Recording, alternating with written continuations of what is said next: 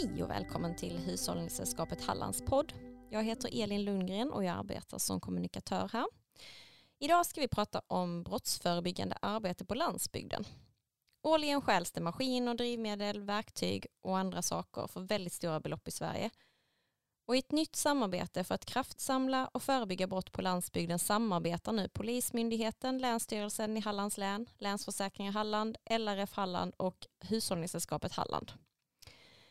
I detta avsnittet så har vi med oss tre personer från tre av de samverkande organisationerna. Christian Nilsson från polisen Nilaholm, Mikael Holmgren från Länsförsäkringar Halland och Linda Wennerholm från Hushållningssällskapet Halland. Varmt välkomna hit. Tack. Tack så du ha. Tackar för det. Varför har man startat detta samarbetet?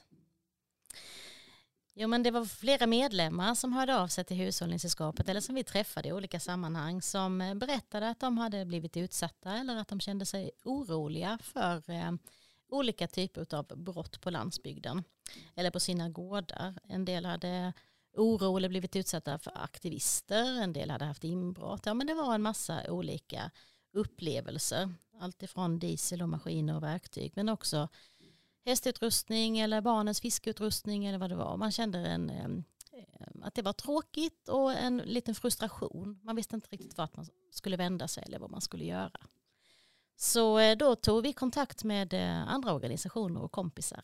Så då har vi upprättat ett samarbete kring detta för att försöka hjälpa till att eh, hitta verktyg och konkreta sätt att jobba för att man ska förhindra att det uppstår brott eller eh, om det trots allt sker minska eh, konsekvensen av det.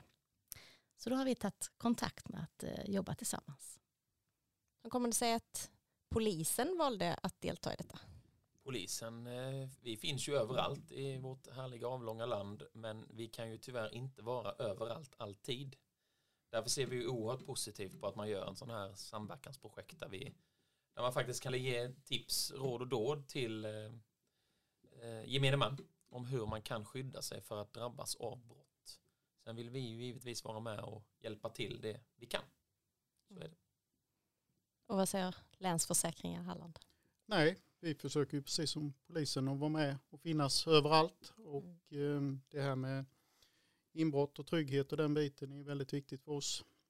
Jobba med det mycket till vardagen och eh, vi ser ju en utveckling som vi tror kommer att bli betydligt värre framöver.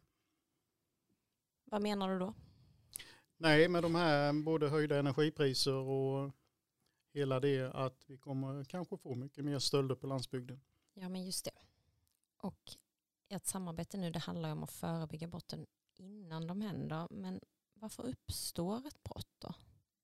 Eh, för enkelhetens skull kan man använda brottstriangeln för att förklara varför ett brott uppstår. Och den består av tre hörn. Eh, överst så har vi en eh, motiverad gärningsperson, man eller kvinna, ung som gammal, som är intresserad av att stjäla någonting. Eh, har vi då ett lämpligt objekt att stjäla, till exempel en dyr traktor där nycklarna sitter i, mm. och en avsaknad av kontroll, med andra ord, det sitter ingen i traktorn eller den är obevakad. Då har vi tre förutsättningar som gör att ett brott skulle kunna uppstå. Mm. Jag tycker det är fantastiskt häftigt när man vet att det finns de här tre faktorerna som behöver vara på plats. Att man kan mm. påverka och, och rubba någon. Nej, precis. Det är ju häftigt. Då har man liksom helt plötsligt mm. en större makt i sin hand att eh, mm. kunna påverka. Och det är ju på en landsbygden, alltså det är ju det här, det är ju det lilla kanske. Alltså låsa maskinen. Se till att den inte är full med diesel eller bränsle på något sätt. Och det är många små saker man kan göra för att faktiskt klara sig bättre under. Man vill ju slippa ringa både polis och försäkringsbolag. Ja, det är det bästa. ja, precis. Du är redan inne på det, åtgärder som man kan ta till för att undvika brotten. Eh, har du fler tips, förutom att eh, inte lämna nycklarna i traktorn? I den här eh, broschyren som eh, finns kopplat till det här projektet så finns det en checklista med flera bra eh, Eh, punkter eh, där gemene man kan läsa igenom och titta lite hur man har det hemma och en som jag gillar att belysa är belysningen. Eh, jag gillar när lampan lyser. Det ser levande ut. Det ser ut som att man har kontroll. Det i kombination med att man parkerar undan saker och ting och att det är rent och städat. Det ger, ger skenet av kontroll och en bra lampa som lyser. Så jag förespråkar att man låter lampan lysa på kvällstid och inte går släckrundan som Mm. äldre generationer brukar göra. Utan låt lampan lysa och byt istället ut den till en lågenergilampa i så fall. Mm. Jag tror du att energipriserna nu påverkar detta? Eh, Jag bor ju själv på landsbygden och jag skulle inte säga att det är det som kostar pengar eh, med dyrare energipriser utan det är i så fall värmen som kostar pengar. Så att låsa lamp- låta lampan lysa är klart bättre än att vrida ner pannan i källaren. Gäller det både eh, jag tänker, gäller det både inomhusbelysning och utomhusbelysning? Att man ska ha belysningen på inomhus med? Eller hur tänker du kring det? Funkar det bra med timers som släcks klockan tio varje kväll? Eller? Det är inte fel om man sätter dem med fem minuters mellanrum i så fall men eh, eh, det finns så många olika lösningar idag. Det finns en, en smart lampa som alltid tänds när det blir mörkt. Då följer den årstiden. Det finns den här lampan som följer solens uppgång och nedgång. Eh, så det finns många bra lösningar. Alla behöver inte kosta jättemycket pengar, men det är klart att ekonomi är en stor del i det här. Kombinerar man då en bra belysning med godkända lås eh, som eh, är svåra att forcera, ja men då gör man ju vissa saker för att faktiskt försvåra för tjuven. Och bara det att vi sitter och pratar nu och ger lyssnarna en chans att höra så gör vi, skapar vi också en bättre medvetenhet för att man faktiskt kan göra saker och ting själv för att minska risken att drabbas av olika typer av brott. Ehm, Vi från försäkringsbolagen ser ju ofta gärna att man har koll på vad man har för grejer. Det är många gånger att det inträffar inbrott och att ehm, kunderna då eh, återkommer efter ett halvår. Att de har märkt att Mhm. grejer blir borta. Så gärna göra upp lite listor vad man har för någonting. Mm. Förvara det på säkra ställe. Inte minst i hemmet Mm. är det väldigt viktigt. Precis, tänker du alltså att man skriver upp vad man har för maskiner och vilka... Ja, maskiner kanske man har koll på, men Ja. eh, väldigt mycket redskap och framförallt verktyg. Man kan Mm. ju fotografera sina verktygstavlor eller Mm. man kan också DNA-märka dem. Mm. Så får vi, kan man ju söka upp dem i efterhand. Mm. Men eh, det är viktigt att man eh, har koll på vad man har. Ja men precis. Hur är det med kameraövervakning? Vad får jag, eh, får jag filma min egen tomt? Eller hur funkar det liksom?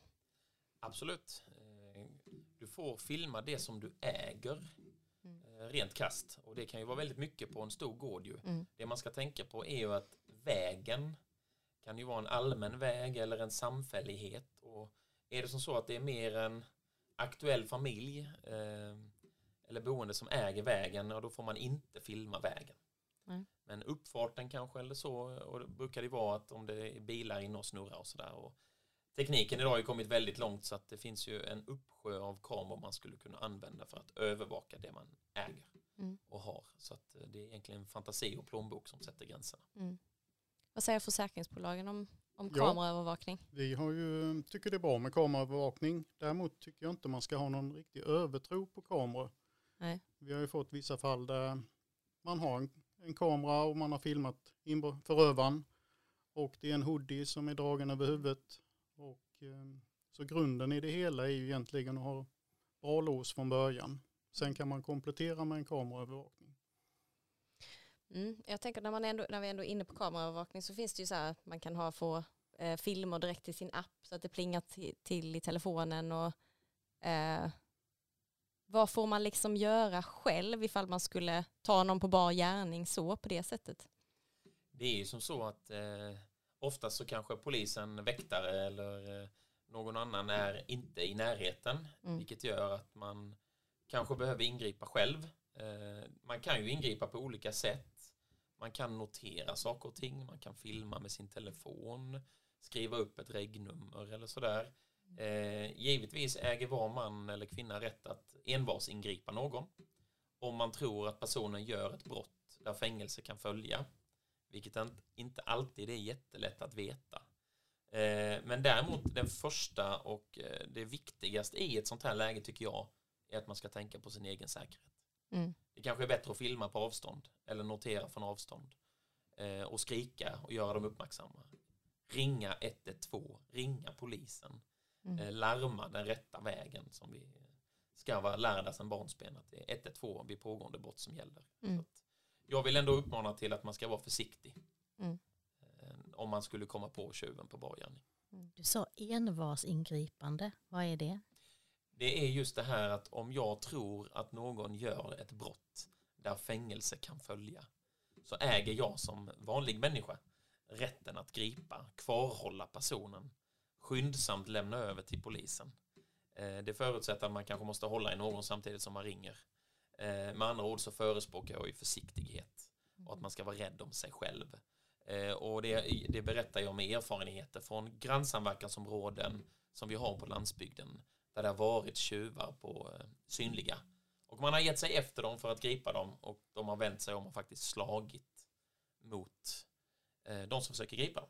Och det har uppstått skador och skadan i sig läkte undan men eh, den psykiska skadan eh, lite längre då att vad som kunde hänt. Eh, och det var ju för att man försökte gripa och låsa fast då liksom. Poliser är utbildade och vi har en annan typ av utrustning och det är faktiskt vårt jobb att gripa tjuvar. Man kanske som vanlig människa ska ta ett litet steg tillbaka och försöka iaktta och observera. Då är det förebyggande arbetet betydligt enklare och stor, väldigt viktigt. Ja, och det förebyggande arbetet är ju, det kan vara väldigt, väldigt brett. Vi har nämnt några punkter här i detta. Jag nämnde precis grannsamverkan som en del och det handlar ju egentligen om att man är uppmärksam och tillsammans med grannarna så har man koll. För vem känner egentligen till sitt område bäst? Jo, det är de som bor där. Det är de som kan området bäst. Det är de som ser om det är en bil eller två som avviker i det normala beteendet. Mm. Men hur funkar grannsamverkan på landsbygden om man bor väldigt glest? Den funkar precis lika bra som eh, inne ibland villaområdena eller Ja. lägenhetsområdena. Utan jag skulle väl säga nästan min erfarenhet säger mig att man är samverkan mellan grannar är starkare ute på landsbygden. För i ett villakvarter är det inte säkert du vet vad alla heter på din gata. Nej. Men i landsbygden så har du nästan koll på vad alla heter i en mil i varje riktning. Mm. Eh, och det gör ju den starkare. Mm, Och det är ju verkligen. positivt. Så det är ju en del. Det finns ju många delar i detta.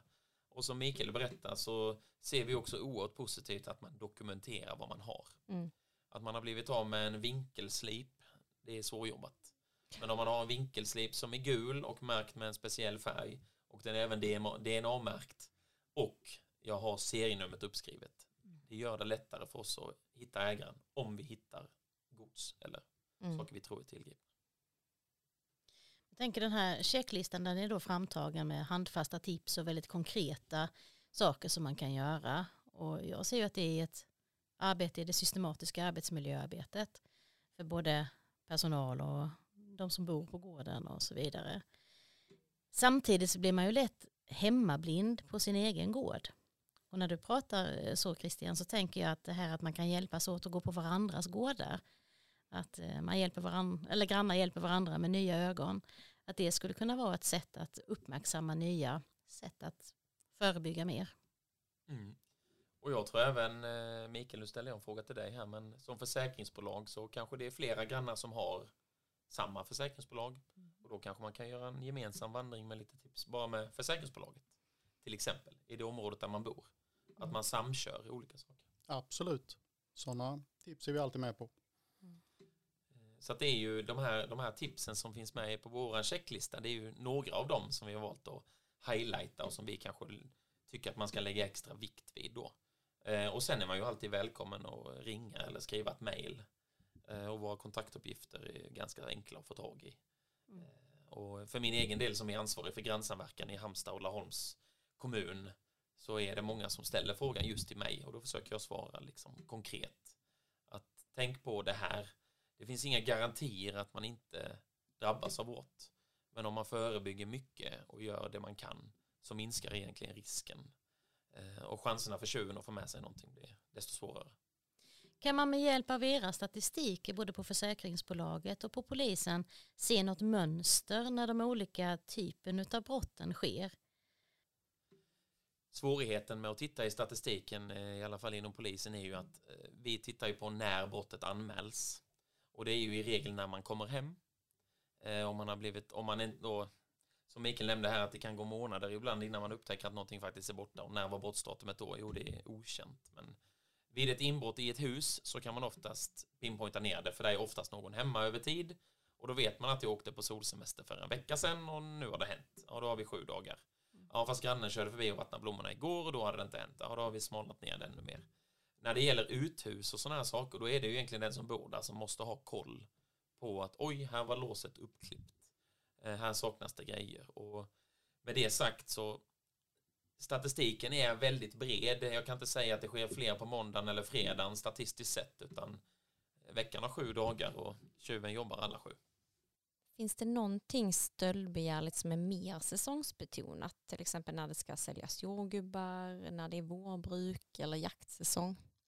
Oavsett säsong eller tid på året så behöver man ju ställa sig själv frågan har jag någonting som är intressant för tjuven? Eh, I samband med vårbruket på ett landsbruk till exempel så kanske man stärker upp dieselinnehavet. Alltså man måste ha diesel hemma för att maskinerna ska fungera över tid och det är oftast båda dagarna vädret är fint. Ja, då måste man ju tänka till extra där. Att hur förvarar jag dieseln? Var har jag den?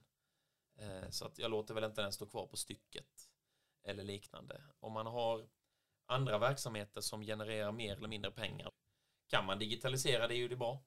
Jag säljer ägg fast jag gör det via Swish eller jordgubbar så swishar man pengar. Alltså, så lite kontanthantering som möjligt. Eh, förr var det vanligare med att eh, det fanns jordgubbs eller potatispengar i samband med säsongen och det, givetvis det vet ju tjuvarna om också.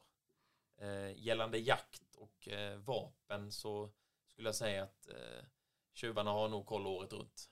Det är inte lika säsongsbetonat. Hur är det med larm? Man har ju en väldig övertro till att eh, allting löser sig om jag har ett bra larm. Men vad säger du Mikael? Nej, vi, eh, just larm ser vi ju i till exempel verkstäder och om man har cisternrum eller liknande lokaler där man förvarar mycket diesel. Då ser vi ju en kombination med bra lås och larm där. Att det fungerar väldigt bra. Mm. Peppar peppar, men vi har faktiskt inte haft en enda stöld på ett sådant utrymme hittills. Okay. Och, ehm, så därför lämnar vi även självriskbefrielse om ehm, man mot all förmodan skulle få ett inbrott. För då tycker vi att man har gjort vad man har kunnat. Mm, men det krävs att man har bra lås också och inte bara ett larm. Utan, ja, bra mm. lås i kombination med detta larmet. Mm. Men om man följer den här checklistan, eh, kommer brotten att minska då? Statistiskt sett så kommer brotten vi pratar alltid om eh, genomförda brott eller försök till brott eller att vi faktiskt vill förhindra att brottet sker. Mm. Och jag skulle vilja trycka på att om man följer checklistan och framförallt är medveten om att man kanske har saker som är attraktiva för tjuven som diesel till exempel då med skenande dieselpriser på den allmänna marknaden kommer ju göra att eh, stulen diesel kommer bli hetare. Det, så, så är det bara och det säger alla våra känslor kring detta också. Så att risken att drabbas av brott minskar ju ju mer förberedelser man faktiskt har gjort själv. Mm. Och vi har varit inne på några punkter och det med. Och ett larm som tjuter, ja, går det till den som bor där som kanske inte är hemma? Går det till närmsta granne? Går det till polisen? Går det till väktarbolag? Tjuven vet ju inte. Eh, däremot så om det går ett larm så kommer det till bli någon form av åtgärd. Och kan då larmet gå innan man har kommit in i en byggnad eller fastighet, ja då då kortar man ju ner tiden som tjuven faktiskt har på sig att stjäla. Mm. Så att det i kombination med allt det här andra. Det, man kan ju ha världens bästa övervakningskameror men om man inte har några lampor som lyser upp Nej. så kommer det till att filmas i svartvitt. Och då vet vi inte om jackan var gul eller röd. Eh, så att det, det, är hela tiden kombinationen. Men vi vill ju att man ska minska risken att drabbas. Och det kan man göra på detta sättet. Mm. Så checklistan är en del och polisen är en del och försäkringsbolaget är en del. Men det är faktiskt gemene man som är viktig i detta i sammanhanget. Liksom att man tänker till extra för att skydda sig mm. att drabbas. Men om brotten då minskar, om vi säger att man följer checklistan, brotten minskar, hur är det med trygghetskänslan? Ja, då kan man ju prata om den upplevda tryggheten och den faktiska tryggheten. Ju mer förberedelser man gör, desto mer man läser på, desto mer man förbereder och desto bättre grannsamverkan man har så så torde ju den eh, upplevda tryggheten bli bättre. Mm. Att man eh, skall och borde känna sig tryggare.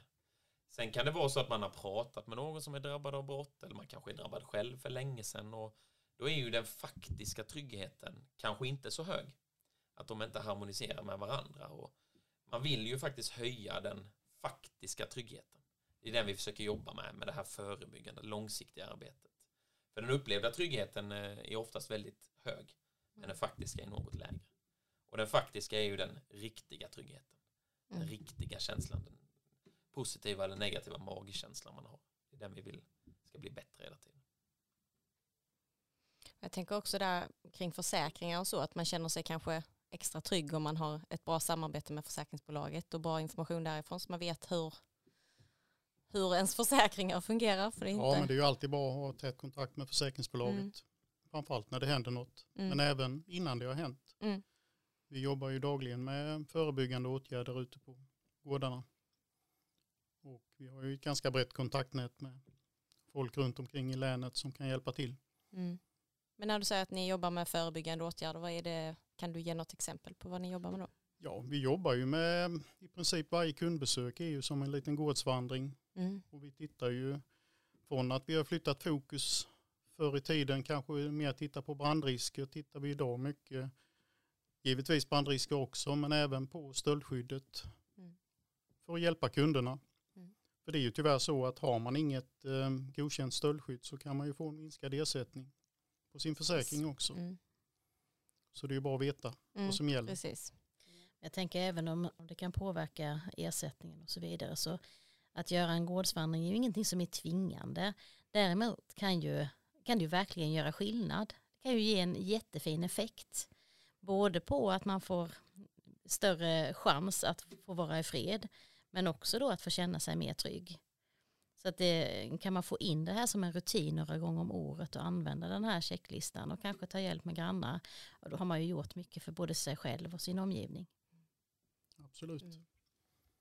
Det är i kombination med att hålla sig uppdaterad hur det är i mitt område. Är det, läser jag om mycket stölder i tidningen just nu i mitt område eller hur, ser det ut just nu? För det vi vet är att eh, tjuvarna eller gängen, de kriminella som håller på med det här, man flyttar sig. Så olika områden kan vara olika heta ur ett Mm. stöldsammanhang. Och det är de som bor i området som har bäst koll. Så att jag skulle aldrig kunna berätta för någon som har bott i samma område över tid var, var det hetast någonstans för det har de bättre koll på än jag inom polisen då. Så att det, är, det, är ett, det är ett stort egenansvar och den här broschyren och checklistan det är en, en knuff i rätt riktning och ett hjälpmedel. Mm. Det är redan goda kunskaper som vi vet finns. Jag kan också tillägga det att vi försöker även om vi, om vi märker att vi har två eller tre inbrott i ett område så skickar vi ju ut sms. Eh, Och de här smsen det är ju ingen, inga falska grejer utan då har det verkligen hänt något. Mm. Och det har ju, senast har det varit mycket med de här GPSerna på traktorer och, som går lite i områdesvis. Mm. Så då gäller det att vara uppmärksam. Och blir man då medveten genom ett sms eller ett mail eller vad det nu må vara att man pratar med grannen och pratar med varandra så då höjs ju medvetandegraden Mm. och då kanske man tänker till lite, kanske ska parkera om eller inte låta stå framme och, Ja, och det i kombination med att eh, man faktiskt anmäler om man har blivit drabbad av brott är jätteviktigt. Det är ju jätteviktigt då för annars kommer ju inte den annars fungerar ju inte den informationen ut sen till Nej. resterande, Nej. till grannar och Ja. Nej, det är alltid bra att anmäla. Precis, mm, det är precis. Och, jätteviktigt. eh, i, I många fall så vill ju gärna försäkringsbolaget att det är anmält men Mm. inom polisen så har det ju rent krasst inte hänt om inte vi kan se det i våra system. Nej. Så att eh, komma två år efter och säga att det hände Mm. massa grejer, det underlättar inte arbetet. Utan för att våra analytiker ska kunna lägga bästa möjliga pussel kring brott så krävs det att allting anmäls Mm. för bästa möjliga förutsättningar och möjligheter. På den här checklistan så finns det också något som ni skriver heter spårsändare. Det är någonting som är nytt för mig. Eh, vad är en spårsändare? Nej, det är en liten manik som man sätter in i ett fordon eller någonting annat som eh, gör att man i efterhand kan eh, spåra upp den här saken då som har blivit borta Mm. med hjälp av radiosignaler och liknande. Okej. Är det vanligt att man använder det? Ja, det har blivit lite vanligare idag för att eh, från och med 2017 egentligen så har man en maskin till ett värde över 500 000 Mm. så finns det då krav på att man ska ha spårsändare. Okej. Så då, därför har det blivit mycket vanligare. Mm. Och eh, blir lite billigare också. Desto fler som sätter in sådana här. Mm. Och det är ju också så att det har hänt att tack vare de här spårsändarna så har vi faktiskt hittat gods som man har gömt någonstans Mm. i väntan på en transport eh, till någon annan del av landet eller utomlands. Mm. Så att de här spårsändarna eh, fungerar faktiskt. Så att, eh, och det är ju väldigt positivt att man i realtid kan följa var någonting befinner sig. Och det är ju ännu roligare att jaga någonting som man vet, faktiskt vet vad det är. Ja. Eh, Istället för att man kör på chans. Så att, Ja. Jag tänker att ett utav eh, resultaten vi vill uppnå med den här checklistan och med det här samarbetet det är ju då att, eh, att den här kunskapen som finns används och att eh, åtgärder faktiskt görs på företag och på gårdar runt om i Halland. Det är i sin tur då att vi har ett, eh, ett, ett ökat samarbete mellan företag och mellan människor och organisationer och att vi då arbetar tillsammans för att hjälpas åt och att vi känner oss mer trygga. Mm. Det var väl ett bra sätt att avsluta. Tack så mycket för att ni kom. tack så mycket. Tackar. Den checklistan som vi har pratat om den hittar du på hushållningssällskapet.se snedstreck brottsförebyggande.